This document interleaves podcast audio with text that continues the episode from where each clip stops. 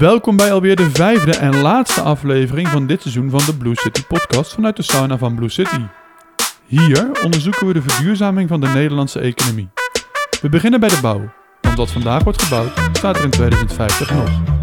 Mijn naam is Tichose en ik wil weten hoe de economie sneller circulair wordt. En deze serie wordt mede mogelijk gemaakt door Duurzaam Gebouwd, Cobouw en Rotterdam Circulair.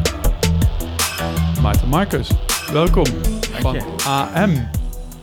Laten we eens beginnen bij AM. Meteen met de deur in huis vallen. Zou je mij eens willen uitleggen wat AM precies is? Uh, AM is een gebiedsontwikkelaar. Dus dat betekent dat wij uh, gebieden, nieuwe gebieden ontwikkelen voor wonen, werken, uh, retail. De focus ligt wel op wonen. We zijn de tweede grootste woningbouw, nieuwbouw, woningbouwontwikkelaar van, van Nederland. Nou, ja. wat fijn. Wat goed dat je dit ook gewoon in twee zinnen kan uitleggen.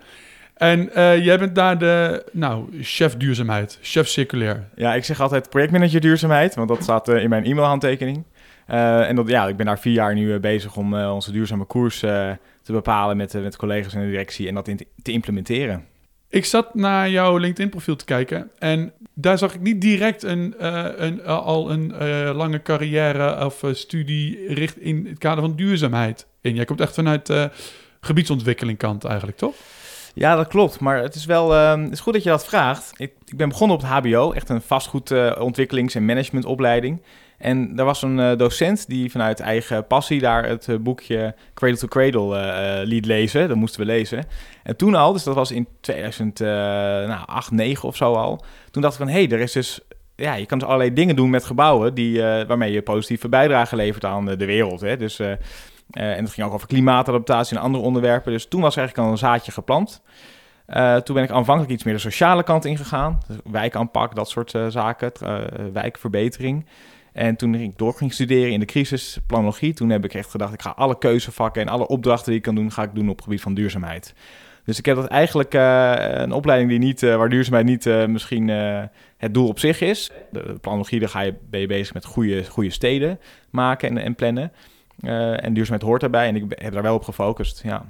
Oké, je noemt nu een aantal termen. Dat is wel leuk om dat uh, even uh, te benoemen. Je, noemt, je, hebt het over cradle to cradle. Je noemt al circulariteit, je noemt duurzaamheid. Betekent die termen alle drie iets anders voor jou of is het eigenlijk hetzelfde? Nou, het betekent wel, wel echt iets anders, maar dat is ook later gekomen. Toen ik, uh, ook aan het einde van mijn studie ben ik in de master gaan afstuderen op ja, duurzame gebiedsontwikkeling in de praktijk. Dus hoe gaat het in Amsterdam en in, in Boston? Uh, en wat je daar uh, ziet is dat er op allerlei thematieken wel regels en normen en, en, en, voorbeelden worden aangedragen. Maar dat er altijd allerlei dilemma's zijn waardoor het dan niet lukt of niet op de manier lukt zodat het, zoals het eigenlijk bedoeld was. En toen ging ik nadenken toen ik bij AM kwam werken. Wat is nou duurzaamheid? Waar hebben we invloed? wat zijn proven concepts? waar zit een potentieel nu of in de toekomst een business case?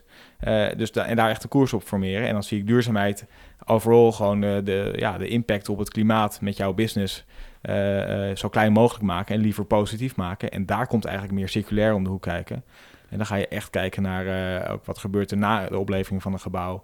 Dan ga je meer kijken over ja, de kringloop in de levensloop. Ja, het gaat dus over, voor jullie, het ook over verantwoordelijkheid nemen die verder gaat dan, je, dan traditioneel. Ja, twee jaar geleden zijn we er echt, echt mee begonnen in, ons, in onze plannen om te zeggen dat we niet alleen duurzaam willen zijn, maar bij nieuwe projecten ook kijken hoe we op onderdelen de circulariteit is daar een, eh, een, een, eh, een van onze pijlers eh, voor. Dat we op onderdelen echt een volgende stap kunnen zetten.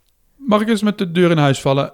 Ik zat naar de cijfers te kijken van BAM. Jullie zijn onderdeel van BAM, hè? Sinds... Ja, 2006, 2008, een beetje voor mijn tijd. Uh, ja. al een tijd geleden, dus ik weet niet beter, maar het is uh, rond die tijd. Ja. Ja, ja. ik zag de laatste individuele jaarrekening van AM was, was 2008, geloof ik. Dus dat, dat zal ongeveer daarna beklonken zijn geweest. Ik zat naar de jaarcijfers van BAM te kijken en um, toen schrok ik eigenlijk. Omdat ik wel eens gehoord had dat de marges in de bouw ontzettend laag zijn.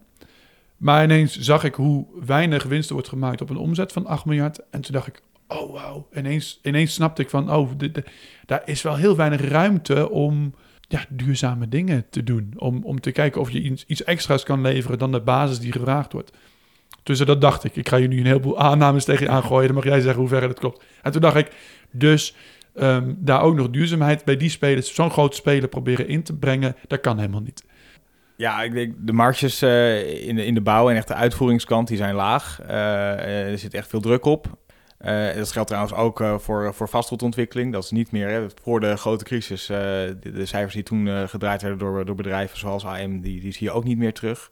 AM en BAM zijn wel echt eigen bedrijven. Daar hebben we heel bewust bij, de, bij de fusie voor gekozen. Dus AM zit aan het voor, voortraject bij het bedenken van nieuwe gebiedsontwikkelingen. En daar zit natuurlijk ook de kracht, als je echt op tijd bent, om, om nieuwe dingen te bedenken. en die vervolgens tot, tot uitvoer te brengen. Dus ik denk dat we daarin een hele belangrijke rol hebben. Wij zijn eigenlijk de interne opdrachtgever voor, uh, voor BAM. We bouwen trouwens ook met, uh, met andere bouwbedrijven. Maar BAM is onze zeg maar, preferred partner daarin, logischerwijs. En wij zien onszelf daar gewoon als opdrachtgever in om ook te, te zeggen, nou, we gaan die kant op. Maar even de, uh, nog heel even overkoepelend blijf En daarna ben ik heel benieuwd naar wat AM precies doet. Maar um, leveren jullie BAM, zeg maar de, de totale groep, leveren jullie BAM geld op? Of kost, kost AM BAM geld? Nee, eh, AM eh, doet het, eh, doet het goed. Dus AM levert geld op voor de, voor de hele groep. een gezond bedrijf, ja. En kan je enige orde van grootte geven? dus de totale omzet van BAM is nu 8 miljard. In de laatste individuele jaarrekening van AM zag ik dat jullie toen op een omzet zaten van ruim 600 miljoen. Zijn dat de orders van grootte waar ik nog een beetje aan moet denken? Ja, kijk, BAM is een multinational. Dus, en AM is een Nederlandse, een, Nederlandse ontwikkelaar en gebiedsontwikkelaar. Dus uh, uiteindelijk voor die hele internationale BAM-groep, hè, die is in allerlei landen actief, um, zelfs tot aan de, uh, Zuidpool aan toe. Ja, dan is dat echt peanuts. Hè? Dus we zijn een, uh, een, een Nederlandse bedrijf.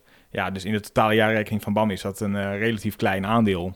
Dus die orde grootte, ja, misschien is die wat, wat groter geworden, hè, omdat we uit de crisis zijn.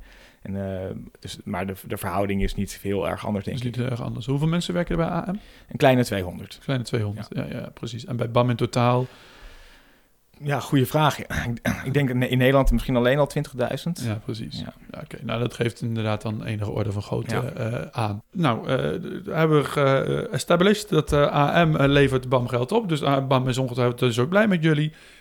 En dan probeer jij dat ook nog eens duurzamer te maken jij projectmanager duurzaamheid. Ben jij dan een kostenpost of lever jij winst voor BAM of voor AM? Ik denk dat het uh, niet zozeer gaat om is, het een, is het een kostenpost, maar meer gaat over.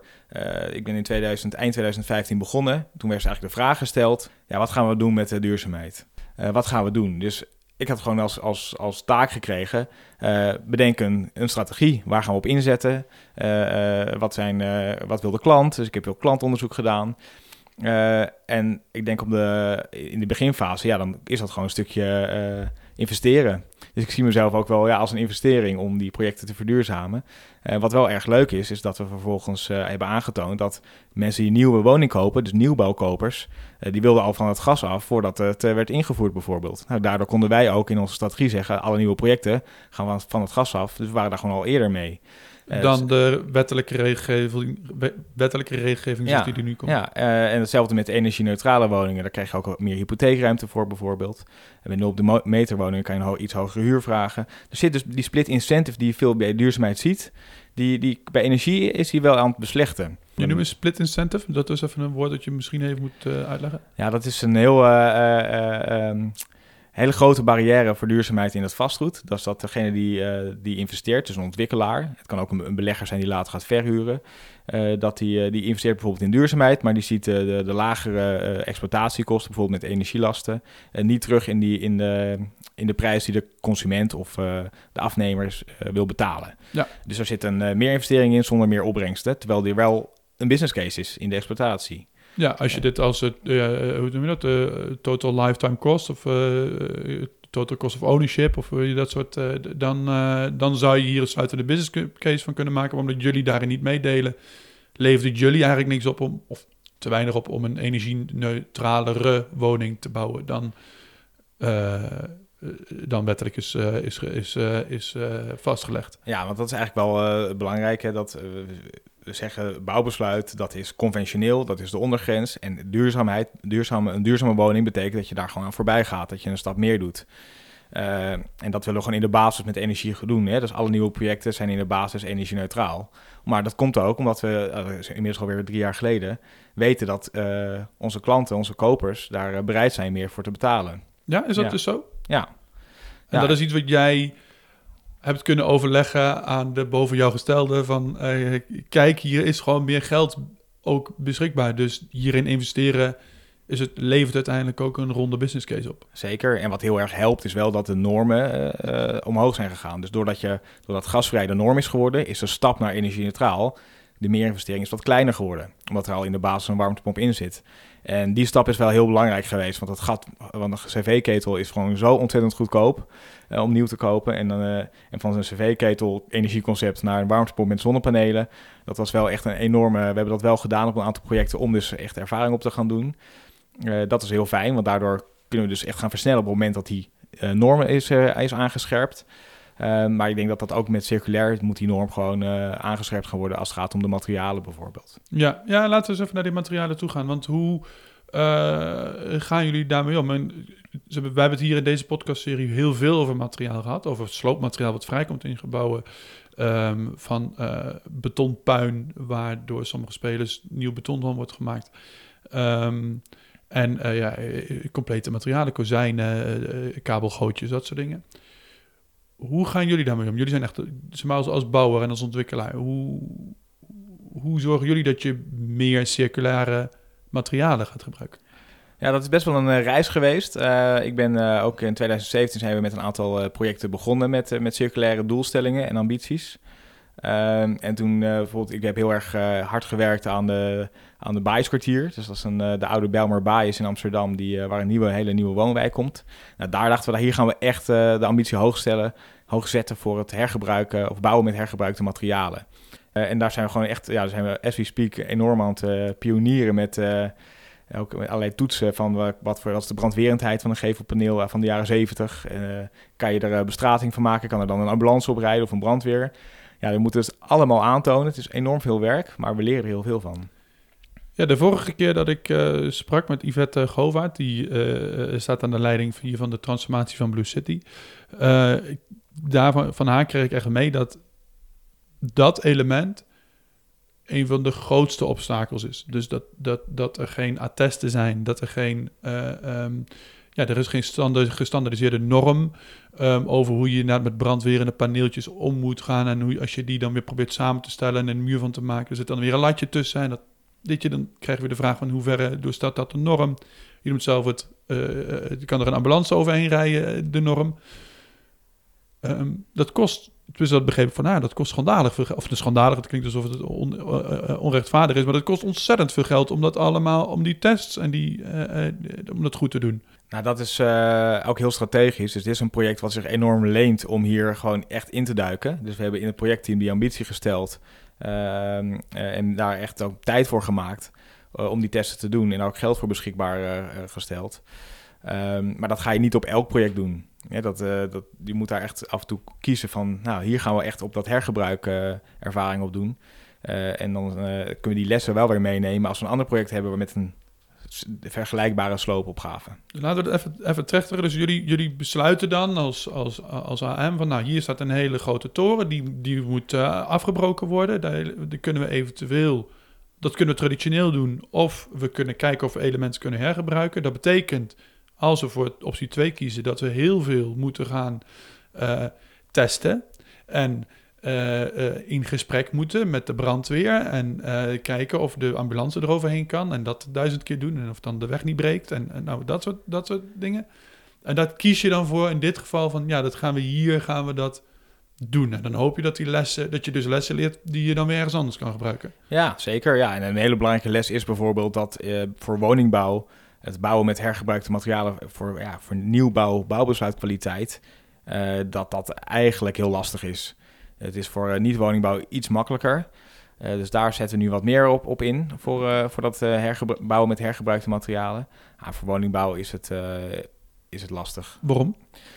nou, bijvoorbeeld de, omdat er hoge veiligheidseisen zijn. Dus die, die brandveiligheid van gevels, zeker in de hoogbouw, Um, dat maakt dat je, ja, als je een nieuw product koopt, voldoet het aan al die eisen. Ga je een hergebruikt materiaal pakken, dan moet je daar heel veel aan doen. Uh, wil je dat kunnen hergebruiken op die manier, weer als gevel. Uh, en uh, ja, dus we eigenlijk hebben vanuit de lessen van, de, van het project Biaskwartier een ladder gemaakt van hergebruik. En de hoogste trede is de, een gevelelement bijvoorbeeld als gevelelement, dus één op één. Ehm, maar je kan ook, je hoeft dan, als dat niet lukt, niet meteen naar, naar granulaten gaan, hè, waar jullie het ook over hebben gehad in een eerdere podcast. Je kan ook nog een ander treetje pakken. Bijvoorbeeld, nou, als het in de hogere verdiepingen niet lukt, om, omdat er daar hogere brandeisen zijn, kan het dan misschien in de, op de begane grondvloer, waar ook voor een deel niet woonfuncties komen, waar je net weer wat andere eisen hebt. En aan wie vraag je dat? Van, uh, hey, dit, dit, deze gevel op verdieping 20, we weten niet zeker of dat, maar mogen, mogen we die op verdieping 5, mogen we die daar gebruiken? En wie is degene die daar ja of nee op antwoordt? Nou, wij hebben daar een, uh, bij in het projectteam een, heel veel verschillende disciplines die zich daarmee bezighouden. Dus je hebt het sloopbedrijf, wat enorm aan het oogsten is. we hebben daar bedrijven die, die komen dus testen. We hebben bouwvisiesadviseur, die kijkt dus naar die brandeisen bijvoorbeeld. en dus heel integraal proberen we dat beter te pakken. En vervolgens komen we met een voorstel uh, richting uh, de echte vergunningverleners, zoals de gemeente. Uh, van, dus kunnen we hiermee een gelijk, gelijkwaardigheidsverklaring, hebben we hiermee gelijkwaardigheid aangetoond. en dat is eigenlijk wat je moet doen. Gelijkwaardigheidsverklaring, volgens mij, je kijkt erbij alsof dat belangrijk is. Zodra de gelijkwaardigheidsverklaring is, dan staat bij jullie taart op tafel. Of, Nou, het is, het is belangrijk omdat uh, omdat je daarmee aantoont dat een bepaalde, bijvoorbeeld gevelpaneel uit een bepaalde, ja, die op een bepaalde manier is opgebouwd, dat hij dus aan bepaalde prestaties voldoet. Uh, nou, misschien niet als gevel, maar wel voor, uh, voor, voor, ja, voor bestrating of voor, voor een weg. en dan kan je ineens heb je iets opschaalbaars te pakken. dan kan je daarmee echt een hele weg gaan bestraten. En is dit de manier waarop het zou moeten gaan, wat jou betreft? Is de manier dat, dat jullie al die tests aan het uitvoeren zijn? Is dat zijn jullie de aangewezen partij? Ik zou ergens ook denken van dat, dat, dat weet ik veel, dat moeten of wetenschappers doen, of eh, universiteiten, de TU of zo, of misschien de overheid zelf. Ik weet niet, ik weet niet in hoeverre ik er comfortabel mee ben dat dat bij jullie ligt, omdat jullie uiteindelijk gewoon een ja, privaat, bedrijf zijn, privaat bedrijf zijn met een uh, beurs genoteerd met een winstoogmerk. Ja, dus dat is wel belangrijk. Dus de, de, echte, de verklaring wordt afgegeven door, door echt onderzoekers. Dus TNO, dat is eigenlijk een onderzoeksinstituut die geeft uiteindelijk de verklaring af. Um, maar de integrale blik, waarbij we ook kijken naar de bouwfysische aspecten. Uh, de, dus we hebben een interne team die er eerst naar kijkt. En vervolgens, als wij er vertrouwen in hebben, zeggen wij: Oké, we willen het hiervoor hergebruiken. TNO, kan je dit, uh, hier een verklaring voor geven? Dus eigenlijk, de, zo ziet het proces eruit. Ja. Dan heb ik twee vragen. Vraag 1 is: um, stel nou dat je erachter komt dat je met bepaalde materialen niet dat je daar geen, dat je daar geen straat van kan maken, dat kun je niet. Dus je houdt, je houdt materiaal over, je zult materiaal overgehouden hebben van die, van die belmotors. Wat doe je er dan mee? Hoe gaat dan de, hoe, misschien heb je dat ook in de ladder geïntegreerd. Wat, wat, wat gebeurt er dan? Uh, alles wat we niet in het project uh, gaan onderbrengen, dat wordt uh, afgevoerd en opgeslagen. En daar hebben we ook een, een database voor. Dus het sloopbedrijf die houdt dat helemaal bij in een, in een database waar het uiteindelijk wordt hergebruikt en op welke manier.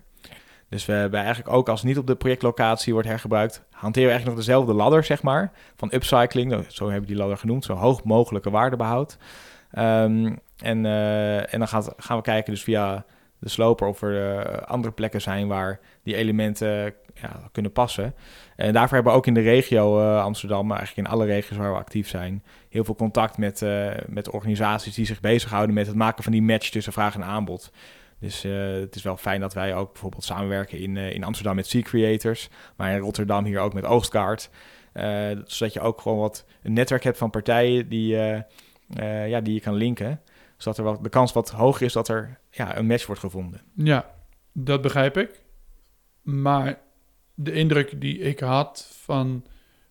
die ik indruk kreeg van de oogstkaart, is dat dat nog dat is echt een start-up. Dat is nog een klein bedrijf. Dat, dat, dat staat niet op hetzelfde... Is minder groot dan BAM. Dat, uh, kunnen dat, dat is duidelijk. Dus mijn indruk daarvan was dat ook heel veel materiaal dan ongetwijfeld niet... Dat, je zal toch ook nog veel bij jullie gewoon de verbrandingsoven of de... Of de, of de uh, hoe zeg je dat? De, de granulaten uh, ingaan. Ja, we hebben wel het slechtste beton. Dat was... volgens mij heet dat gasbeton. Dus dat is... heeft een, ja, heel lastig om dat... om dat te hergebruiken. Um, wisten we trouwens van tevoren ook niet dat dat type beton uh, overal werd, uh, of op een aantal plekken werd toegepast. De net noemde je al, dat heeft onder andere te maken met eisen, veiligheidseisen. Heb je ook een oordeel over dat soort veiligheidseisen? Ik krijg namelijk soms de, het gevoel, ik zal het gewoon weer tegen jou gooien, dan mag je weer reageren, dat, dat er ook een idee lijkt te bestaan in de sector dat bepaalde veiligheidseisen wel heel streng zijn. En dat die ook in dat, die, die kunnen schuren met bepaalde circulaire ambities. Ja, kijk, het feit dat we eh, bijvoorbeeld een hergebruikte gevel in de woningbouw wat minder snel zullen doen dan bij uh, niet-woonfunctie, is wel een voorbeeld van ja, is die gevel dan echt zoveel minder veilig dan of uh, anders dan, dan bij een kantoor? Dus daar vraag ik me wel af. Het heeft trouwens ook wel met de functie te maken. Kantoren zijn meer maatwerk en woningbouw is wat seriematiger. Dus dat maakt het ook lastiger. Het is ook gewoon de manier hoe we woningen produceren. Um, dus ik denk voor woningbouw moeten we gewoon focussen op uh, niet zozeer op die eisen verlagen, maar veel meer kijken, zijn er, nou, wat zijn nou elementen of materiaal of reststromen die er in grote getalen uh, uit bestaande gebouwen komen, die we op een hele hoogwaardige manier uh, weer gereed kunnen maken voor nieuwbouw en die, en die dus ook redelijk seriematig kunnen worden toegepast. Nou, ik denk dat daar Michel Baars gewoon heel goed mee bezig is. Uh, dat hij op die manier er uh, bezig is. En dan voor de meer maatwerkreststromen, dat, dan kijken naar ook meer maatwerkgebouwen. Um, en ik vind, ja, moeten we nou de eisen verlagen? Misschien moeten we wel veel meer nadenken hoe kunnen we toch een, een oplossing vinden. Uh, ja, om, om, om wel het hergebruikpercentage omhoog te brengen. maar ook die hoge veiligheidseisen te halen. Dus ik vind dat eigenlijk vind ik op die manier nadenken veel leuker dan een soort van met z'n allen lobby starten dat de eisen naar beneden moeten, om eerlijk te zijn.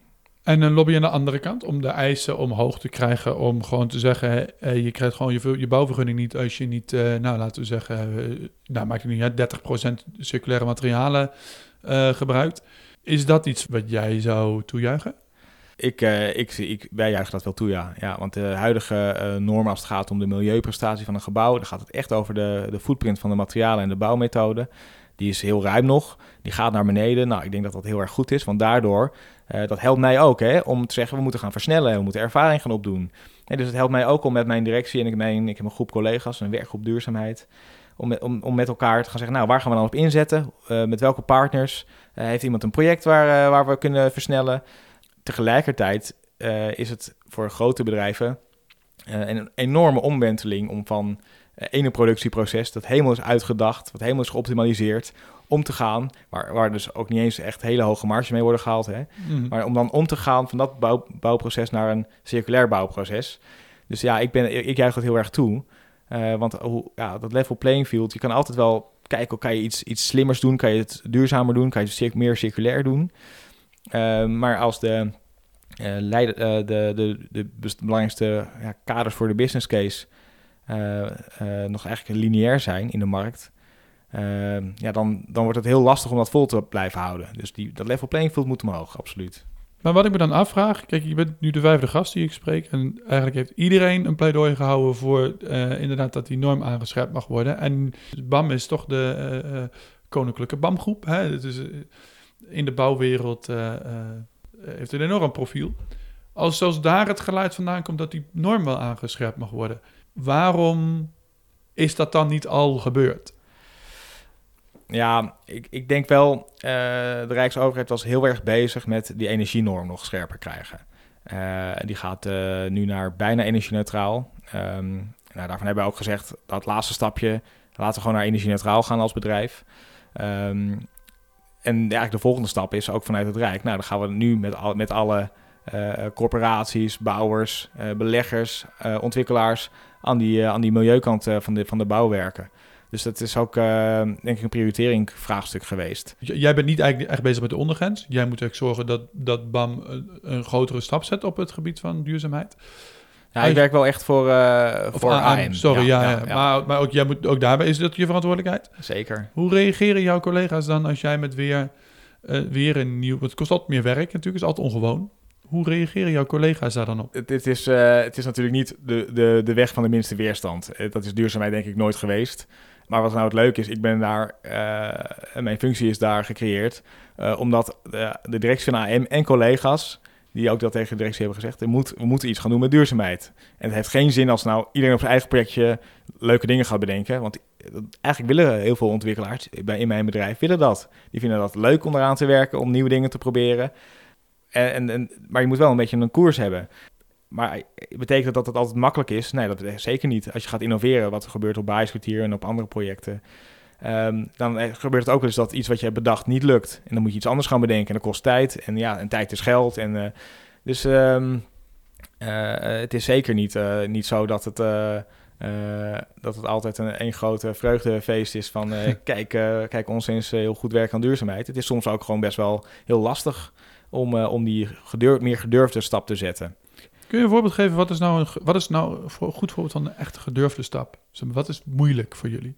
Nou, wat, waar we mee bezig zijn, is de stap maken naar, naar meer biobased bouwconcepten voor, voor woningbouw. Ehm, en dan zie je dat er bijvoorbeeld in, in Nederland gewoon heel weinig uh, uh, mensen echte ervaring hebben. Uh, van constructeurs tot, tot, tot bouwers, tot adviseurs met, met bijvoorbeeld complexere hout-skeletbouw gebouwen. In de woningbouw dan. dus dat betekent dat je een stap moet zetten waarvan je niet helemaal zeker weet ja, of die woning zo goed wordt als dat je dat zou hebben gedaan in bijvoorbeeld beton. het heeft misschien wel weer andere kwaliteiten. Dus we proberen ook heel erg de USP van, van, uh, van houtbouw uh, ja, de, helder te krijgen. Um, ja, dus dat zijn wel, wel stappen die, die spannend zijn. En um, nou ja, wat, dan weer leuk is, is dat ik de afgelopen vier jaar, sinds ik bij AM werk, met zoveel partijen contact heb gelegd, dat we ook nu de, de partners hebben om, ja, om dit op een goede manier hiermee aan de slag te gaan. Maar wat zou jouw leven laat ik de vraag zo stellen. Als jij de koning was van Nederland en de baas van het journaal, wat, ehm, kan er dan, wat zou je dan veranderen om dat waar het moeilijk is, dat stukje, om dat makkelijker te maken, sneller te maken? We hebben natuurlijk haast. Ja. Ik denk dat, uh, dat er uh, eigenlijk twee sporen zijn. Er is aan de ene kant uh, moeten we eigenlijk iedereen in onze sector opnieuw de collegebanken insturen wat er bijvoorbeeld gebeurt. Dat gaat van stedenbouwkundigen tot aan, tot aan, tot aan bouwers.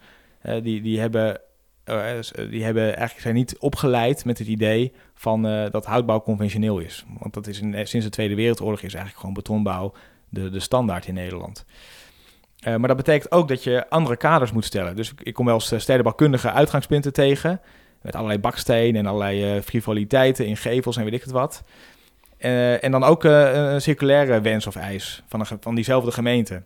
Denk van ja, die stedenbouwkundige en die duurzaamheidsadviseur binnen die gemeente, die zullen ook, ja, die, die duurzaamheidsadviseur weet het wel, maar die, die stedenbouwkundige, die stelt eigenlijk kaders die niet echt circulair zijn. Dus die moet eigenlijk ook terug naar de collegebanken. Uh, dus dat is, dat meer die, ja, die, die soort van opvoedings- of opleidingsplicht zou ik wel heel zou ik willen invoeren. Dat, misschien is dat gewoon wel mijn punt. Ja, een opleidingsplicht voor, uh, voor huidige professionals mijn vervolgvraag daarbij is dat dit um, niet een heel acute oplossing zal, niet zal leveren. Want uh, mensen terug, de, volledige bouwwereld terug de collegebank insturen. Dat, ja, ik denk dat er heel veel ambities bestaan in Nederland, die ik ook niet allemaal uitgesproken ken, maar over dat mensen moeten blijven leren en dat we duurzaamheid daarin moeten incorporeren. Maar dat gaat niet uh, jullie over twaalf jaar. Dan, dan is nog niet eens iedereen naar de, school, naar de schoolbanken geweest. Of het ook over binnen nu en twaalf jaar of binnen nu en vijf jaar een uh, ambitie hebben.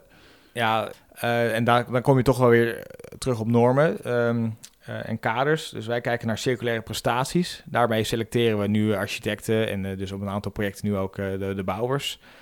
Uh, ik denk dat het wel interessant is om die circulaire prestaties, dat gaat dus over die milieufootprint, maar bijvoorbeeld ook over de losmaakbaarheid, gaat het ook over, ook over de gezondheidsprestatie. Losmaakbaarheid bedoel je dat gebouw weer uit elkaar gehaald kunnen worden? Ja, ja. Wat namelijk uh, bijzonder is, hè, we zitten nu in een houten uh, sauna ruimte. Um, maar als jij nu zo'n ruimte zou bouwen en je zou de milieufootprint uitrekenen, houden ze daar in de milieufootprint rekening mee dat waarschijnlijk het wordt verbrand als dit wordt gesloopt. Ja. Terwijl dit zijn toch best wel mooie uh, latten, zeg maar. Hè? Dus, ik, uh, kan je best nog wel wat mee. Uh, dus, maar dat is gewoon nergens geborgd dat er dus iets mee wordt gedaan. Als we het kunnen, het, als branche voor elkaar kunnen krijgen in de hele keten dat, dat materialen, dat geborgd wordt, dat materialen hoogwaardiger worden hergebruikt, dat die leveranciers en de producenten daar een belangrijke rol en verantwoordelijkheid in krijgen, um, dan hoeven we ook niet meer al dat hout of andere stoffen in, die, in verbrandingsovens te gooien. Nou, maar je zegt eigenlijk, volgens mij zijn we er bijna, want je zegt als we daarin slagen om dat te doen. Ik denk dat, dat dat klopt. Als we erin slagen dat mensen deze houten panelen waar we nu tegenaan zitten te kijken, um, niet in de verbrandingsoven gooien, maar er iets nieuws van maken, dan levert dat uh, milieu- en klimaatwinst op. Maar dat woordje als, daar probeer ik nou juist op te focussen. Wat moet er voor gebeuren om dat te voorkomen? Ik zie toch wel dat daar eh, eh, een, eh, die verantwoordelijkheid bij de, bij de producenten, leveranciers, dat, dat die ingebakken moet worden. En dat hebben we ook, is ook gelukt met petflessen voor met statiegeld. Dus waarom kan dat niet met bouwmaterialen ook op zo'n manier? Dus dat moeten we gewoon gaan invoeren. Maar dat bet- ja, oké. de- eh, eh, Dat zou ik het- invoeren, ik- ja. ik- dat zou je invoeren, Ja. statiegeld op, eh, op sauna-onderdelen. Ja, je hebt, je hebt, je hebt natuurlijk meerdere vormen. Hè? Dus, maar in ieder geval dat die take-back garantie. Dus dat een producent zegt als het op, onder goede voor- voorwaarden is gemonteerd. Dus dat het weer demontabel is. dan wil ik het terugnemen. Misschien zelfs al tegen een waarde. Dan kun je, krijg, je- heb je dus over statiegeld. Dan heb je echt over circulaire economie. En dan komt die waarde er weer bij. En eh, er zijn natuurlijk allerlei andere vormen. Dus as a service is ook zo'n vorm. Hè? Dus de producent blijft verantwoordelijk voor zijn product. Eh, dat zijn allemaal vormen waarmee we ehm, die, die verantwoordelijkheid van die materialen weer bij de, terug in de keten leggen. En dat hebben we gewoon niet goed geregeld nu in Nederland. Maar het is denk ik ook in de bouw. Kijk, je noemt het voorbeeld van petflessen, maar die gebruik je een, een week. En dan stuur je ze terug. Maar in principe, eh, die door, eh, het, dorp dat jullie daar bij, bij de Bijlmer aan het bouwen zijn, ja, dat is toch het plan dat dat nog een honderd jaar staat. Kunt de leveranciers van die materialen, of, of jullie, of iemand die daar, die in de bouw en de levering van de bouwmaterialen een rol speelt, dat zijn niet bedrijven die dat soort horizonten gewend zijn. Kunnen jullie verantwoordelijkheid nemen over iets wat, wat misschien over een eeuw pas terugkomt? Ehm, ja, en dan, en dan komen eigenlijk de, eh, meer de, de, de, de, de brancheverenigingen om de hoek kijken. Dat soort eh, schaal heb je dan eigenlijk wel nodig. Hè? Dus eh, een goed voorbeeld is de, de gevelbouwers in Nederland. Er zijn een aantal hele grote. Die hebben zich verenigd in de eh, VMRG of de VRMG. Ik haal altijd die twee letters door elkaar. Ehm, maar wat het mooie is, dat je al- als je dan op dat brancheniveau voor die gevelbouwers eh, afspraken kan maken over wat gebeurt er als iemand failliet gaat. Kunnen we dat dan met elkaar, eh, dat risico dekken van die materialen die terugkomen. Eh, ehm, op zo'n schaalniveau zou je dat kunnen regelen. Dat zou met, met ontwikkelaars zou dat natuurlijk ook kunnen. Dat je zegt op, vanuit, nou, we hebben dan als branchevereniging de, de, de NEPROM. Ehm, De NEPROM? de, ja, dat is dus de, ja, de, de branchevereniging voor Oh, zo. projectontwikkelaars. Ja, ja, oké, ja. Ehm, en de bouwers hebben ook zo'n eh, gremium. Eh, nou, op dat niveau zou je dus dingen kunnen borgen wat als. Die wat als vraag, eh, je gaat failliet of wat als, eh, dan is ineens die takeback er niet meer. Dan moet je dat eigenlijk ondervangen op een andere manier. En dan zijn ook weer eigenlijk, ja, het is, het is allemaal van elkaar afhankelijk, maar dan kom je ook weer op het onderwerp van gebouw-elementenpaspoorten, waar de goede informatie in is opgenomen. Zodat ook als de, de leverancier van dat paneel er niet meer is, dat een andere producent van zo'n paneel eh, nog steeds ervan uit kan gaan dat het aan bepaalde prestaties voldoet, omdat het geborgd is in zo'n eh, zo'n paspoort.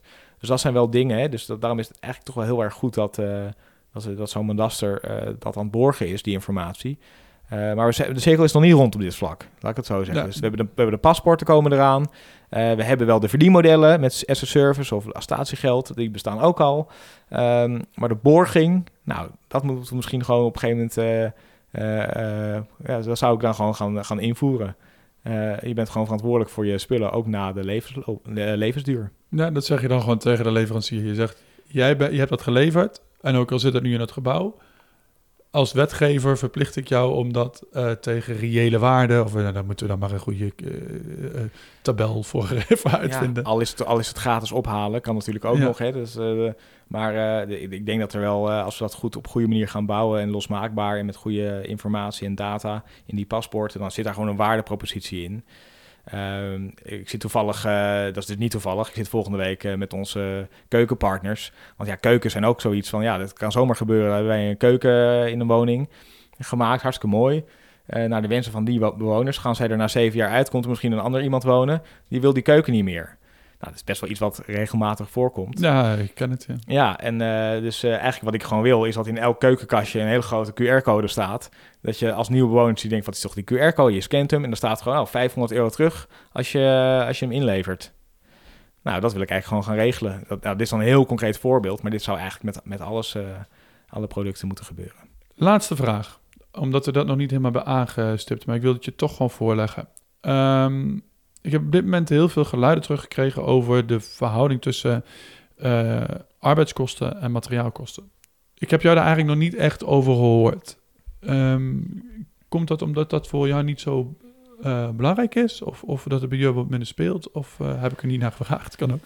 Kijk, wij zitten als ontwikkelaar wat, wat verder van die fysieke bouw af. Hè. Daar zitten natuurlijk alle manuren in. En ook het hergebruik. En daar, en daar zitten eigenlijk de, zitten de bottlenecks. We hebben natuurlijk wel mee te maken, want die kosten komen gewoon weer bij ons als opdrachtgever terug. Ehm, dus het is een heel belangrijk onderwerp wat je, wat je daarmee eh, aansnijdt. Ehm, je kan het ook wel weer relateren aan die take-back van die producenten. Hè? Dus die gaan dan tijd investeren om dat terug te halen. Om zo'n materiaal of product misschien weer te reviseren, eh, eh, op te knappen en weer op de markt te brengen.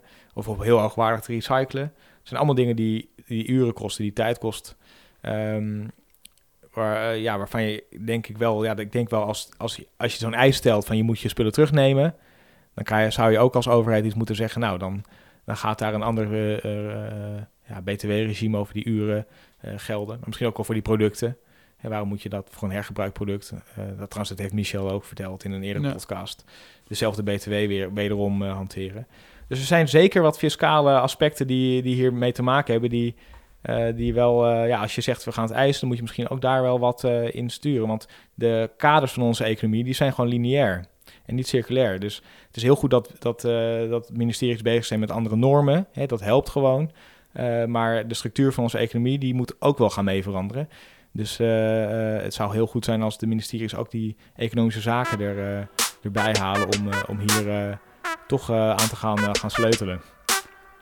Oké, dankjewel. Tot zover. Maarten Marcus van AA, hartelijk bedankt voor dit gesprek.